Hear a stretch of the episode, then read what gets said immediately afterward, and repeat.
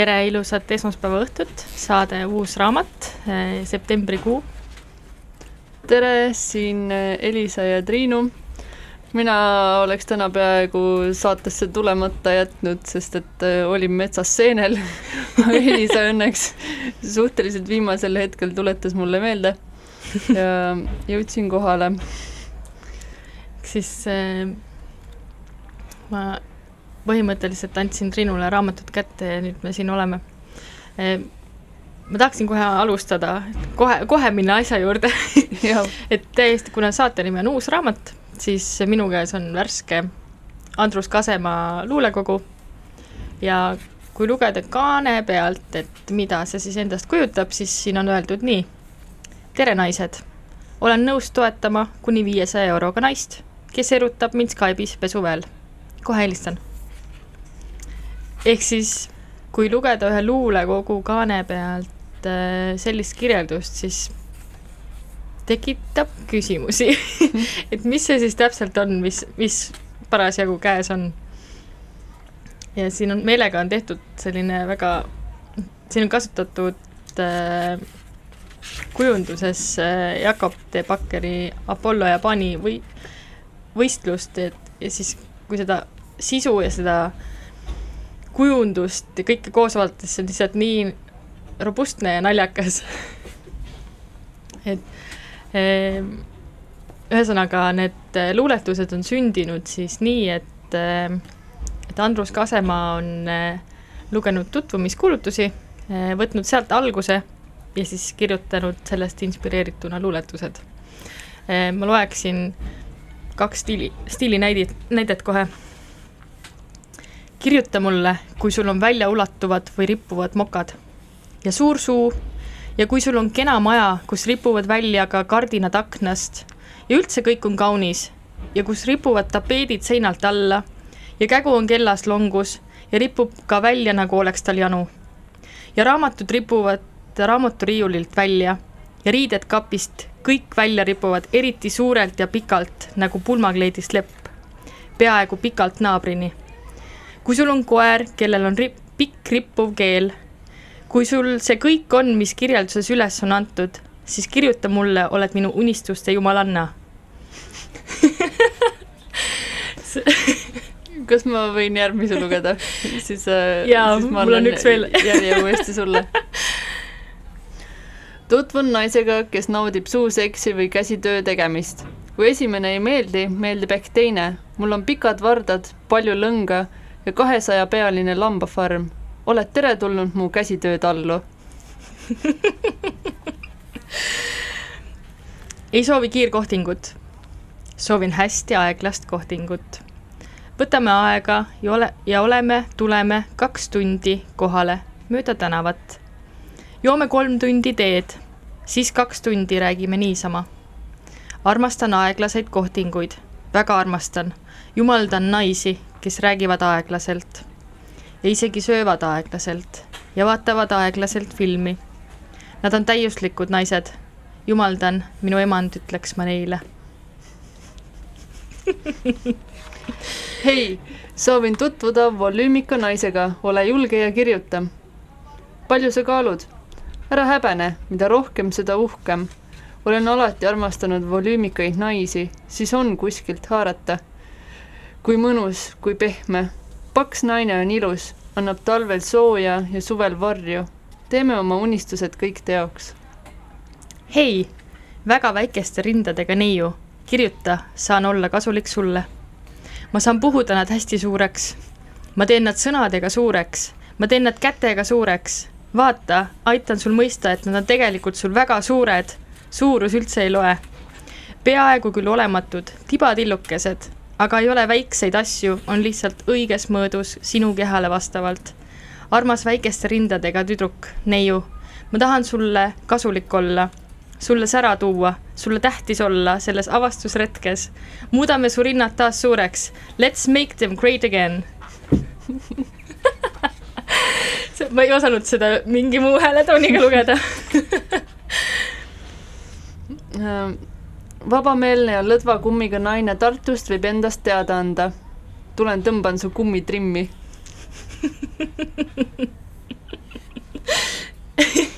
aga kujuta ette, et ma olen selle peale mõelnud, mis nüüd mm, mitte otseselt tutvumiskuulutusi lugedes, aga lihtsalt, et kui ma loen nagu midagi või, või keegi kuskil räägib millestki ja mul tekib mingisuguseid täiesti obskuurseid mõtteid, mida ma tahaksin võõraste inimestega jagada, siis põhimõtteliselt siin, siin on täpselt seda tehtud, et sa võtad nagu ühe aluspunkti ja sa lähed sellest täiesti nagu teises suunas hakkad minema ja vaatad, mis tuleb.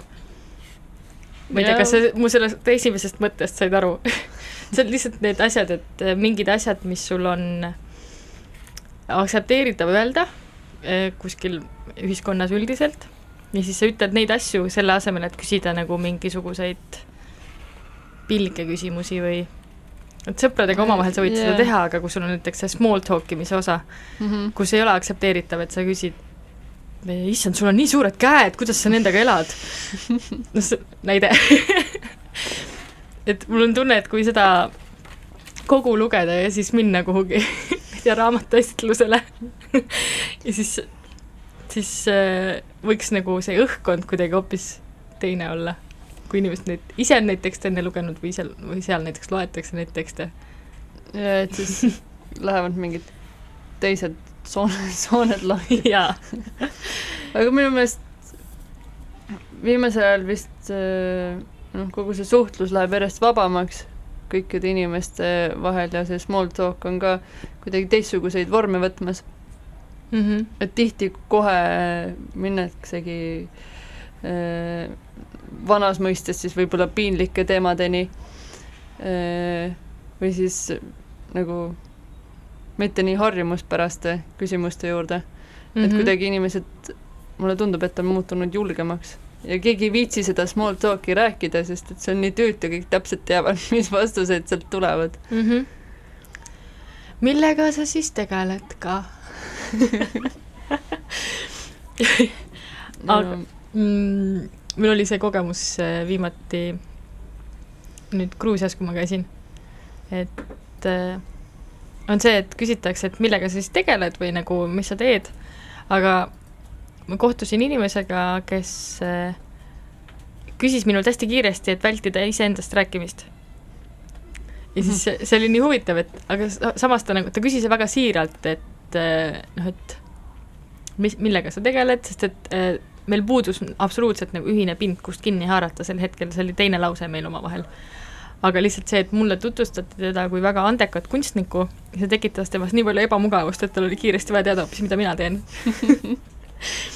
et see oli lõbus. jah. aga kui keegi küsib sult, et mi-, mida sa siis mi,, millega sa tegeled, kuidas, mul ajab see küsimus juhtme kokku alati oleneb, kes küsib minu käest kindlasti ja kus ma tol hetkel olen.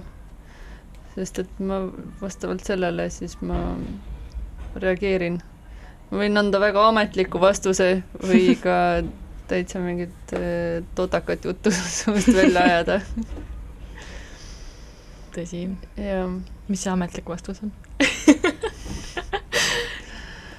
äh, olen äh, Triinu pean siin Tallinnas raamatupoodi Puente, tegelen põhiliselt sellega, vahepeal pildistan ja nii edasi ja nii edasi ja nii edasi, aga niisugune formaalne, mis tegelikult midagi midagi ütleb. ei ütle otseselt no,. noh, ütleb, aga ta ei ava su isiksust yeah. niimoodi. ja ma saan aru, mis sa mõtled kas ma, ma olen ühe veel välja valinud kas, vali ka üks veel välja, aga okay. ära number neljateistkümnet võta naised, kas mätas juba kuiv? kikki kisub kikki kisub kevadel kõik, puud ja metsad. puudel kisuvad kikki pungad, sealt tulevad suured lehed. oi, näiteks vahtralehed. oi, nagu laste vihmavarjud on mõned nii kikki tõmbavad ennast puu küljes. konnad ki-, kisuvad kikki tiigis ja seal käib nende salaelu. Kevadel võiks igaühel olla oma armsam kikki kisuvad sinililled ja Iidetki esimesed suvitajad, päevitajad rannas kisuvad kikki väiksed taimed keeravad õied päikese poole.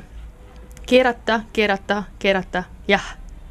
kikki kisuvad jäätised ja majanduskasvki on teada värk, läheb kevadel rohkem kikki. noored pered ostavad maale maja, aed lööb kohe kikki. vanad majad lammutatakse ära, uued tehakse asemele, korstnad kerkivad, lähevad kikki, ajavad puha õieli end. aprilli nimi võikski olla kikki minemise kuu kes tahaks mulle alluda, olla minu teenija voodis või voodi kõrval, laua ääres ja mu magamistoas ja köögis ja saunas, kes tahaks mind teenida, katusel ja keldril, kes tahaks mind teenida ja mulle süüa ette kanda. Ja mu aluspükse pesta ja mu särke ja trussikuid. Õnneks neid palju pole. mul on vaja teenetüdrukut, aga võib-olla ka emand juba ja vanem daam, proua või lausa elatanud vanadaam. kõik kokkuleppeline, et kui jumala kohtlemist sa tahad Need tekstid olid siis Andrus Kasemaa, Mees otsib naist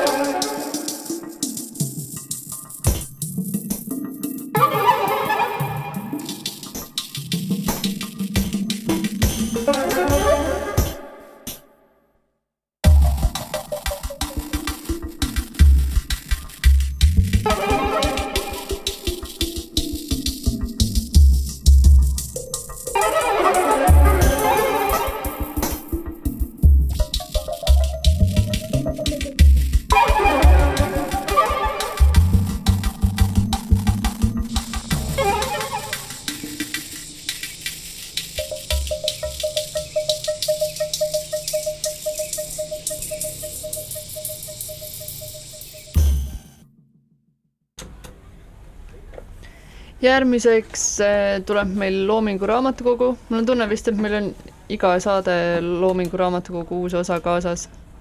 jah, peaaegu. peaaegu jah. et siis äh, läheb meile peale vist. Ei, no kui antakse häid asju välja, siis äh, pole, pole midagi, mida pe peale ei saaks minna. Aga see kuidagi kõlab nagu jätk sellele luulekogule. Aga äh, mõtlesin, ma mainin enne veel, et äh, laupäeval, mis meil tulemas on, et laupäeval on siis äh, Telliskivi loomelinnakus poepäevak. kui tavaliselt poed on kella viieni lahti, siis seekord on kella seitsmeni, nagu nädala seeski.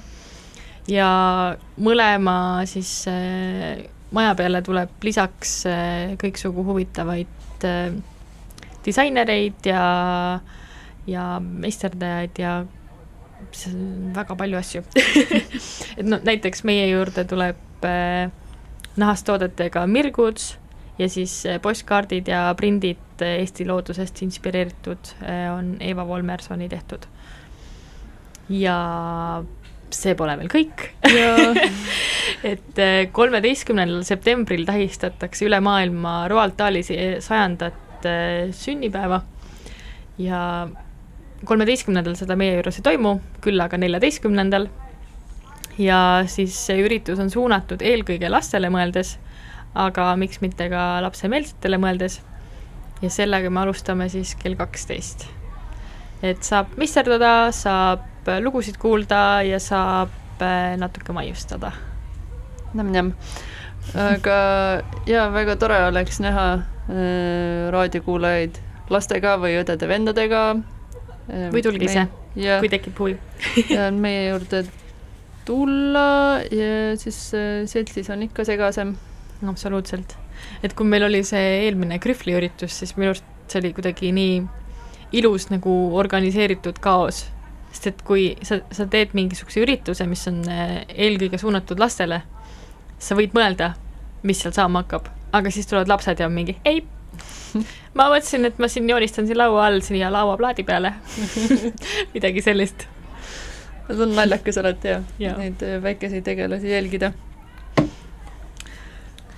nii, aga siis äh, liigume edasi mm,. minu käes on siis äh, värske Loomingu raamatukogu Edgar Keret Kissingeri igatsedes. ma loeks selle mm, kirjelduse ka siit tagant kaane pealt. Eh, tänapäeva ühe tõlgituima ja loetuima Iisraeli kirjaniku lühijutukogu Kissingeri igatsedes tekitas tuhande üheksasaja üheksakümne neljandal aastal Iisraeli kirjanduses pöörde ta kasutas senisest palju enam kõnekeelt, segas keeleregistreid, jutustas oma kaasaegsete igapäevaelu seikadest ja elutundest ning viis sündmused tihti fantaasiamaailma.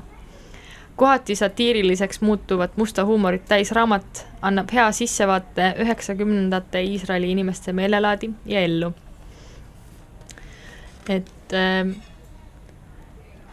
mõtlesime siin nii, et me loeksime lihtsalt ette, et saaks aimu mi-, mis see on siis, mis see meelelaad või mis see elu sel hetkel oli. et ma loen ise esimese loo mm. -hmm. ja kuna siin, siin on äh, kohati mõned äh, suhteliselt lühikesed ja mõned pikemad lood, siis äh, kui ma loen esimese ära, siis kas me teeme ühe siis väikse pausi ja, ja siis kuna meil on kahe peale hetkel üks eksemplar kaasas, siis Triinul saab selle hetke võtta ja vaadata, mida ta kindlasti tahab ka ette lugeda. jah, see on hästi põnev, et äh, minul endal pole üldse vähimatki õrna aimu, kuidas Iisraelis võis üheksakümnendatel elu olla või noh, et nii-öelda tavakodanike mm. -hmm. igapäevaelu. see autor ise on sündinud kuuskümmend seitse, ehk siis ta oli sel hetkel üheksakümmend neli, see on siis AP matemaatika. kakskümmend neli, kakskümmend seitse. ikkagi humanitaarid, eks ole. okei, loll vabandus. Ja aga autor on äh, muidu Iisraelis äh, tuntud äh,, ta on, ma nagu ma aru saan internetist lugedes, et ta on väga kuulus seal oma lühilugude, graafiliste novellide ja siis ähm, ka filmide ja sarjade kirjutajana. mm. ta on päris äh, tegus ja laia ampluaaga.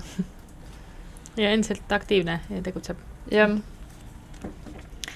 ma loen siis ette äh, sellise, se- selle kogumiku siis äh, esimene lugu, Põrssa lõhkumine. isa ei tahtnud mulle Bart Simsonit osta. ema arvas, et võiks, aga isa ei tahtnud ja ütles, et ma olen ära hellitatud. mis hea pärast me peaksime selle talle ostma? küsis ta emalt. mis hea pärast?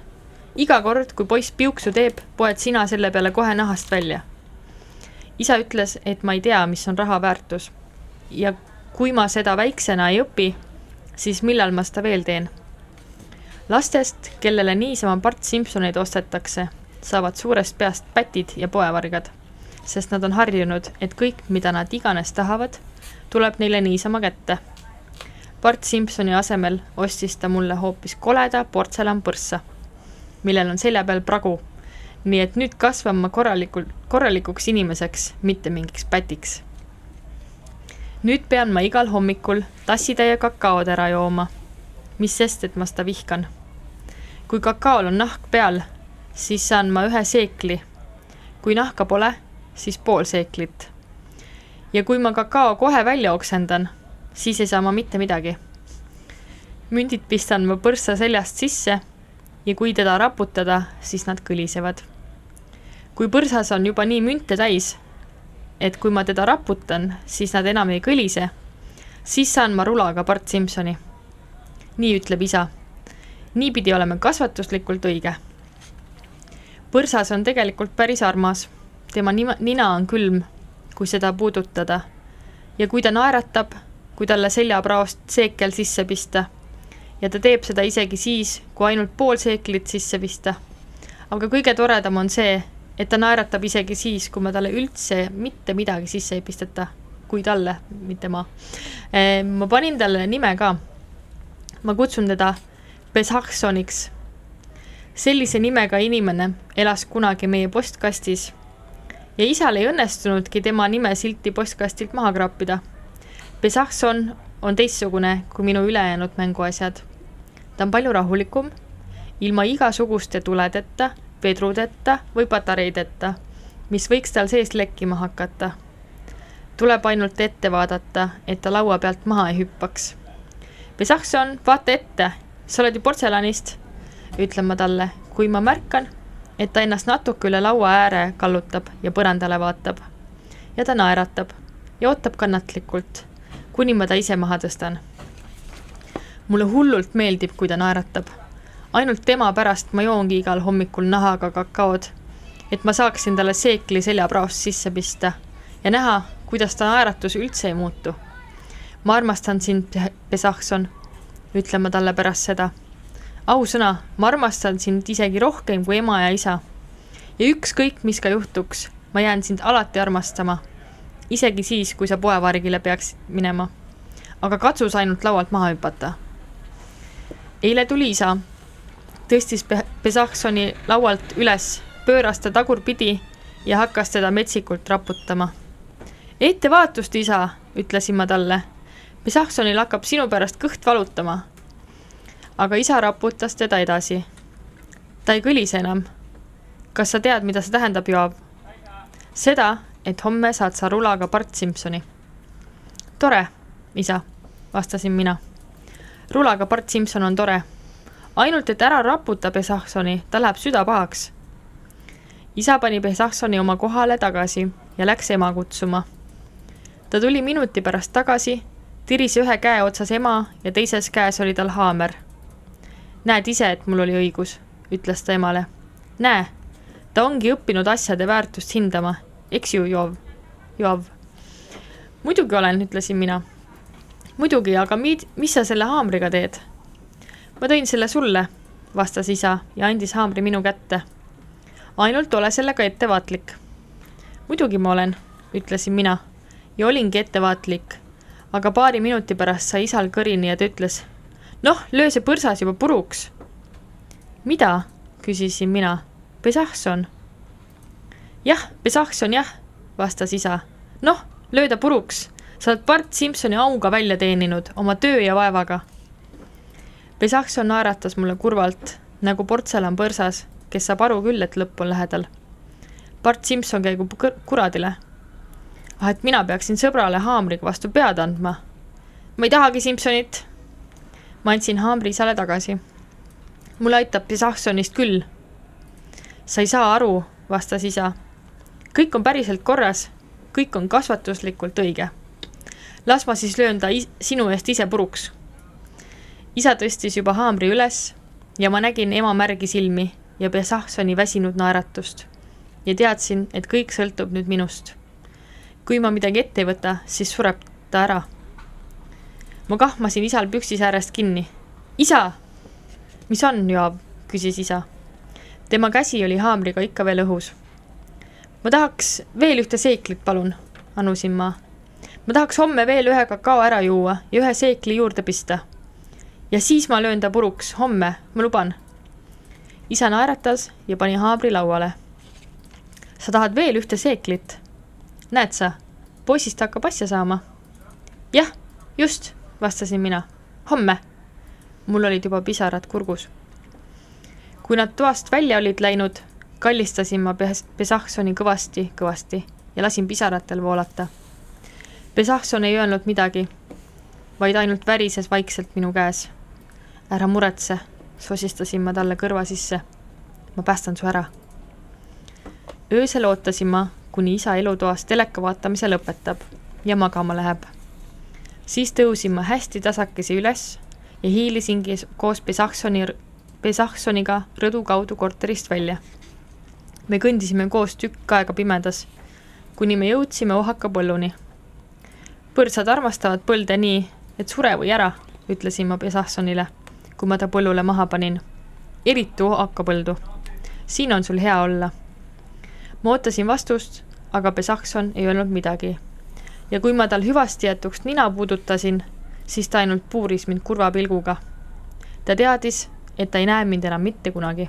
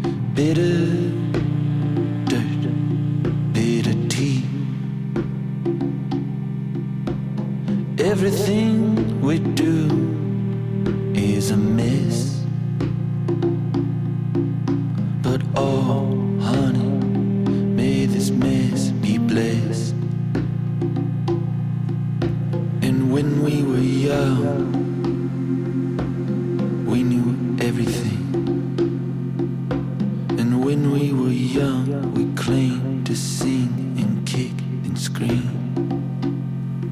All things sacred, nothing wild.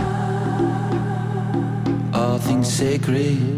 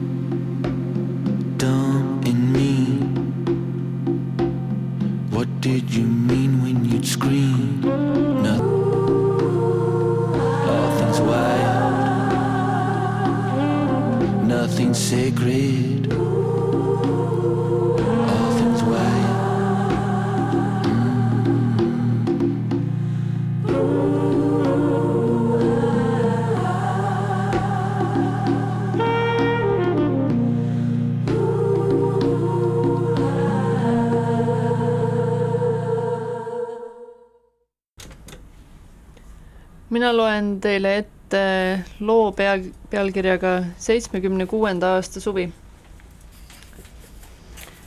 seitsmekümne kuuenda aasta suvel tehti meil kodus remonti ja ehitati üks vets juurde. see oli ema isiklik vets, roheliste kahelkivide, valgete kardinate ja joonistustahvliga, mille sai sülle võtta, et selle peal ristsõnu lahendada. uue kempsu uksel polnud riivi, sest see oli ainult ema oma ja keegi teine ei tohtinud seal niikuinii käia.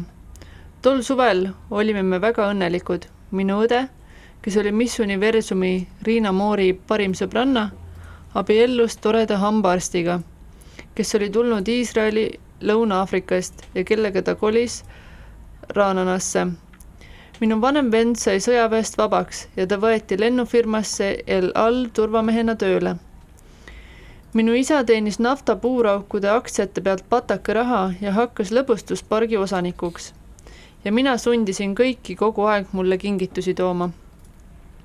erinevad inimesed, erinevad unistused, seisis välismaa toodete kataloogil, millest ma endale üllas-, üllatusi valisin. seal oli kõike. kartulipüstolitest elusuuruste ämblikmehe nukkudeni ja iga kord, kui mu vend Ameerikasse lendas lasi ta mul kataloogist ühe asja välja valida. naabrilapsed imetlesid mind minu uute mänguasjade pärast ja kuulasid igas asjas minu sõna. igal reedesel pärastlõunal käisime me klassiga pargis ja mängisime pesapalli, kurika ja kindaga, mille minu vend oli mulle toonud. ja mina olin kõige parem mängija, sest minu õemees Jeremy oli õpetanud mind niimoodi vindiga söötma, et mitte keegi ei suutnud pallile pihta saada minu ümber võis toimuda jubedaid asju, aga mulle ei läinud nad korda. Läänemerel pani kolm madrust oma laeva kapteni nahka. minu koolivenna ema lõigati üks tiss ära. Taliti vend sai õppustel õnnetuses surma. Einat Motser, meie klassi kõige ilusam tüdruk, ei pidanud isegi oma sõbrannadega aru ja jäi kohe nõusse, kui ma talle ütlesin, et me võiksime käima hakata vend ütles mulle, et ootab pikisilmi minu sünnipäeva, et mind äh, sünnipäevakingiks välisreisile viia.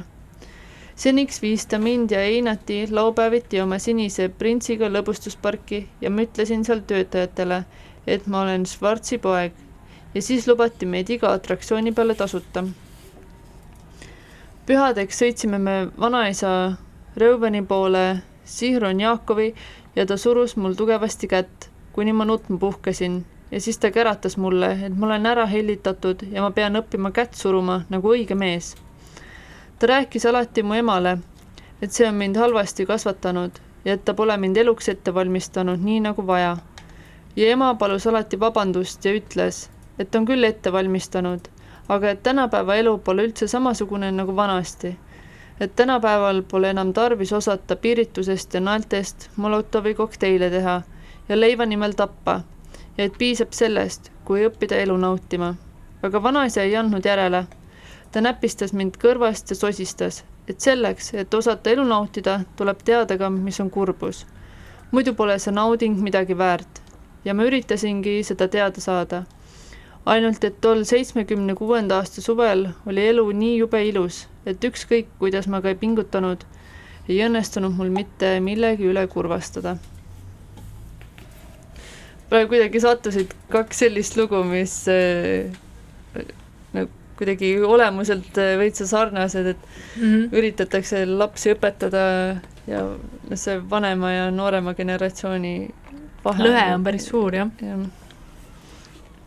mul tekkis sind kuulates üks, tuli üks mälestus kohe mm,, mis on siis üheksakümnendatest, kui mina olin laps ehm,. Kuidagi see, see, kuidas ta kirjeldab neid äh, mänguasju ja neid asju, mis olid nii midagi täiesti, midagi uut ja, ja teistsugust, siis äh, Ardu, kus ma elasin, väike küla, meil oli mingisugune suvi, ma ei tea, mis aasta see võis olla, oli äh, kristlik selline promolaager või ma ei tea, mis asi see oli, sihuke suur telk oli väljas keset küla ja siis seal olid mingid tegevused. ja me oleme nüüd aastaid hiljem nagu sellest temaga rääkinud, et tema rääkis, et kuidas meie olime siis sealt telgist umbes koju läinud ja öelnud, et mingi Jeesus on meid päästnud. ema mõtles, et issand jumal. aga mitte selles jumala kontekstis. ja me oleme nüüd seda tagantjärgi mõelnud, et mis see siis oli, mis meile lastele meeldis, et ema mõtles, et, et nüüd nad teevad lastele ajupesu umbes. No põhimõtteliselt see oli ajupesu laste mõttes, et sa kingid neile igasuguseid mänguasju, mingeid asju, mida neil ei ole ja siis räägid neile sinna juurde mingit ilusat juttu. ja kui ema küsis mult selle kohta, siis ma ütlesin talle, et mis asja, me saime mänguasju sealt ju. ma ei mäleta üldse, mida nad rääkisid. ma mäletan ainult neid mänguasju, mingit juttu mm. -mm. ja, ja need olid nii teistsugused asjad, et sa käisid seal iga päev. Ja seal oli mingi võistlus, et kui sa värvid värviraamatust kõik eh, värv, lehed ära, see mingi väga piibli, piiblipildid kõik eh, ka siuksed lapselikud ja ümarad. et kui sa värvid kõik pildid ära, siis sa saad mingisuguse auhinna valida. ja mina olin kõige noorem, kes sai au, nagu, ma sain eriauhinnast, ma olin kõige noorem ja siis ma sain ka valida ja siis ma ei suutnud valida, sest seal oli nii palju asju ja need kõik olid tasuta ja siis ma ei suutnud uskuda, et ma võiksin võtta mingi videomängu nagu ja ma ei maksa selle eest, siis mul hakkas halb. ja ma võtsin midagi muud ja ma kahetsesin seda kohe algusest peale. mingid sellised mälestused on mul meeles. et see, vot mis, mis trigger'id tulid praegu. ja mulle meenub ka, et äh, ma tean, et minu klassis käisid äh, osad inimesed, ma ei tea, kas nad olid ka kuidagimoodi seotud nende kirikuüritustega, ma ei tea, kas see leerikool või ma päris täpselt ei tea, kus nad käisid, aga seda ma tean, et nad said ka eriti vingeid mänguasju. Sa tulid kuskilt mujalt noh, mm. -hmm. Seal oli nad mingi olid- Rootsi missiooni nad, mingid äh, asjad. minu meelest need olid USA mänguasjad olid need, mis äh, meil mm, -hmm. mul Viljandis jagati Mhm. ja siis ma mõtlesin ka, et oh, ma tahaks ka sinna minna, et mul suva Mhm. mm -hmm. see, ma teadsin, et seal räägitakse Jumalast, mul oli sellest ükskõik, aga ma mõtlesin, et saaks neid mänguasju, need on nii põnevad. Mhm. aga et sihuke äraostmine, et siis Absoluutselt. mm. -hmm. ja see esimene lugu selle Bart Simpsoniga äh,, päris nagu mul sellist asja kodus ei olnud küll, et äh, mingi noh, mingisugune õppetunni õpetamine päris nagu karmide meetoditega, et näed, nüüd sa hoidsid seda põrsast ja nüüd sa pead ta katki lööma, et saada seda, milles, mida sa alguses tahtsid saada. mul tekib nagu suur küsimärk selle õpetusmeetodi kohta, aga aga ma olen nagu selle osaga nõus, et sa ei pea saama kõike, mida sa kohe tahad saada. ma ka ei saanud. ja keegi ei saa kõike mm. -hmm. mida ta tahab, aga noh, jah, mõned saavad mm. -hmm. rohkem, mõned vähem. lihtsalt ma olen sellest rääkinud oma emaga hiljem, et ma hetkel nüüd tagantjärgi mõeldes äh, olen äh, täiesti hämmingus, kuidas äh, minu ema, üksik ema, kahe lapsega äh,, kuidas ta suutis meilt äh, koolitada ja trennidesse saata ja kõiki asju, põhimõtteliselt ma ei mäleta, et ma oleks millestki ilma olnud aga ta on mulle öelnud, et tagantjärgi küll, et kui mingid asjad, mida ma väga tahtsin, olid täiesti jaburad, siis ta tegi mulle selgeks, kui jaburad nad on. ja ma ei mäleta isegi neid asju enam. nii et eh, tundub, et eh, mul ei olnud vaja neid asju. muidugi. aga lihtsalt part, issand, need lood äh, on mingid täiesti huvitava lülitiga. niisugune lapsepõlvelood toovad eh, enda lapsepõlvest Jaa. ka mälestusi. mul kõige eredamalt sinu jutust meelde see kakao ja siis see kile seal peal. jaa. kõige jälgim asi üldse. peaaegu. see on, on ruve. aga äh, mis sa sellest meetodist arvad, et selleks, et raha koguda, pidi see laps tegema midagi jälki iga päev, mida ta vihkas, talle ei meeldinud kakaod juua.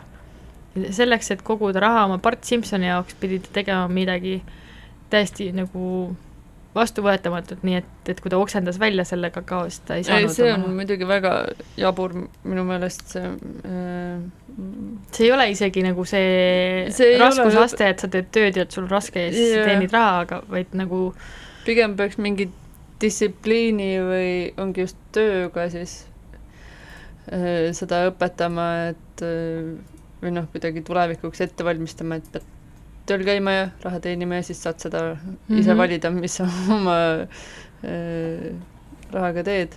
aga see, et sa nagu endale füüsiliselt ebameeldivat asja midagi peale surud äh,, ei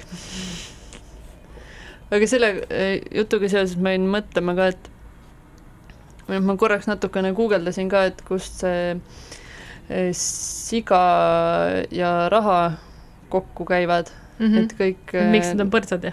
jah, et miks need r- rahakassad siis põrsakujulised on. ega see pärineb juba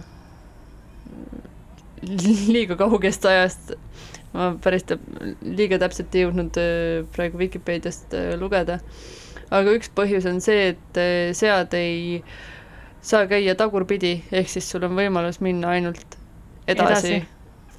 jah, see oli Hmm. üks põhjendus. kas sul oli raha põrsas väiksena? oli küll, mul oli mitu. mul oli üks põrsas. ma tean, kõigil oli see vist, see oli Hansapanga. mul oli ka Hansapanga oma, see jaa oli, kõigil. aga mul oli teistsugune ka. Hansapanga oma said pangast siis, kui tehti kas pangakonto, ma ei tea, kas Ma mul oli nii väiksena pangakonto, aga ma tean, et mul oli see see. põrsas oli, aga mul Hansapangaga ei olnud midagi pistmist. ma, ma ei mäleta ausalt öeldes, et kas mul oli konto sel hetkel, aga võis olla, sest et ma käisin äh, väiksena juba üksinda linnas trennis. noh, selles suhtes mul oli väga nagu kindlad teekonnad, mida ma läbisin, nii et ma ei saanud ära eksida, et ma tulin marsa pealt maha, ma läksin trenni ja kui ma sealt tagasi tulin ja läksin teisele poole teed, siis ma juba võisin ära eksida, sest ma ei saanud midagi aru. aga et siis ma vältisin seda. aga et siis võis täitsa olla, aga meil olid õega ühesugused äh, põrsad, nii et ühel oli sinise lehviga ja teisel oli roosa lehviga, see oli õudne, sest et vahelt ei oleks olnud isegi, et kui mul algusest peale oleks olnud see roosa lehviga, siis ma oleks kindlasti tahtnud seda sinisega. ja ma ei mäleta isegi, kumb mul oli, aga õel oli teine, nii et ma tahtsin tema oma jubedalt endale. me kogusime sinna ka ja ma, mul oli küll see unistus, et ma tahtsin seda puruks visata. aga ma arvan, et see tuli kuskilt filmidest. ma, mul ei ole niisugust mälestust. aga ma ei, ma ei mäleta, et ma oleks seda teinud. aga ma mäletan seda tahet. Sest et kuskil äh, nendes Hollywoodi filmides, kus sel hetkel siis minuga ühevanused lapsed äh, kogusid raha ees, kui neil seda raha vaja oli, siis nad viskasid selle vaata katki ja siis see tundus nii lahe asi, mida teha. aga kohutav, ma praegu küll ei tahaks visata midagi katki. kast läheb katki, ma olen nii õnnetu. ja kas, jah, ei, ma mõtlesingi just, et me siin oleme nii kaua jahunud juba, et meil tegelikult on üks raamat veel kaasas. ma lihtsalt natukene põgusalt tutvustan seda ja mm -hmm. siis Mhm. paneme lõpuloo. aga meil on siis äh, siin Põhjala müüdid, teejuht jumalate ja kangelaste juurde. siin on siis, juba pealkiri ütleb päris hästi ära, mille, millega tegu on aga siin räägib eh, siis nende allikatest ja et kust kohast üldse on need eh, müüdid leitud ja et millised need pärimused on, seletab lahti need, mis ajal ja kelle poolt.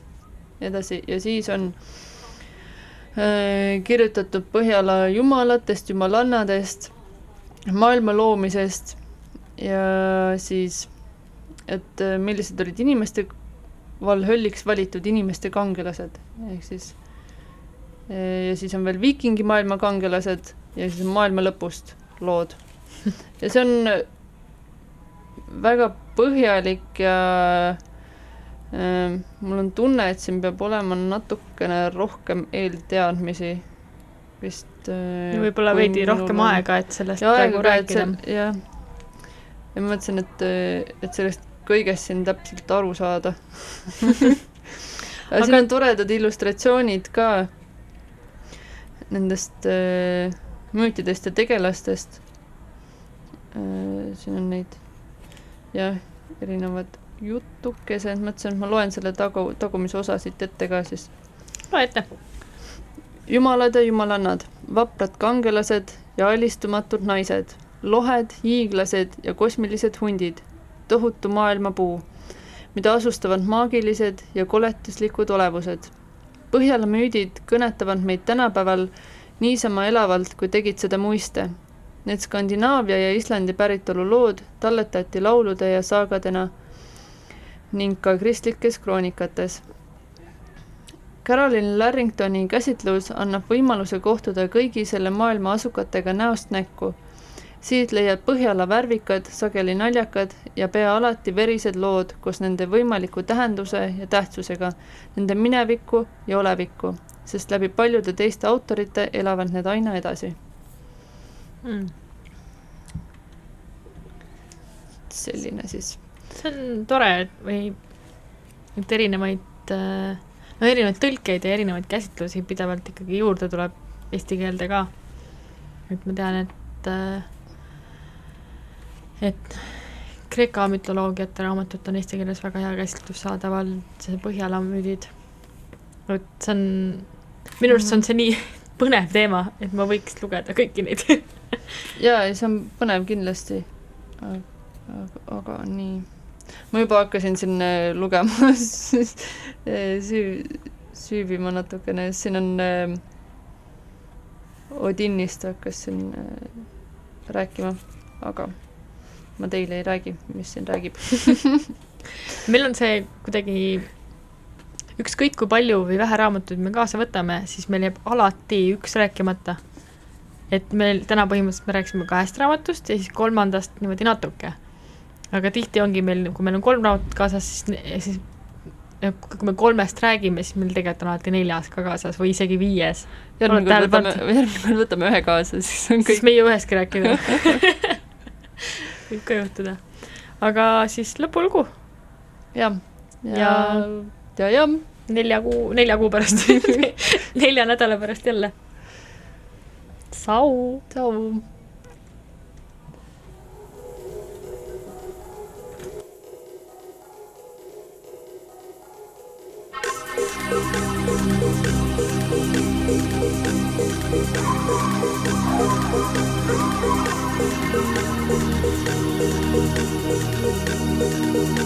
Thank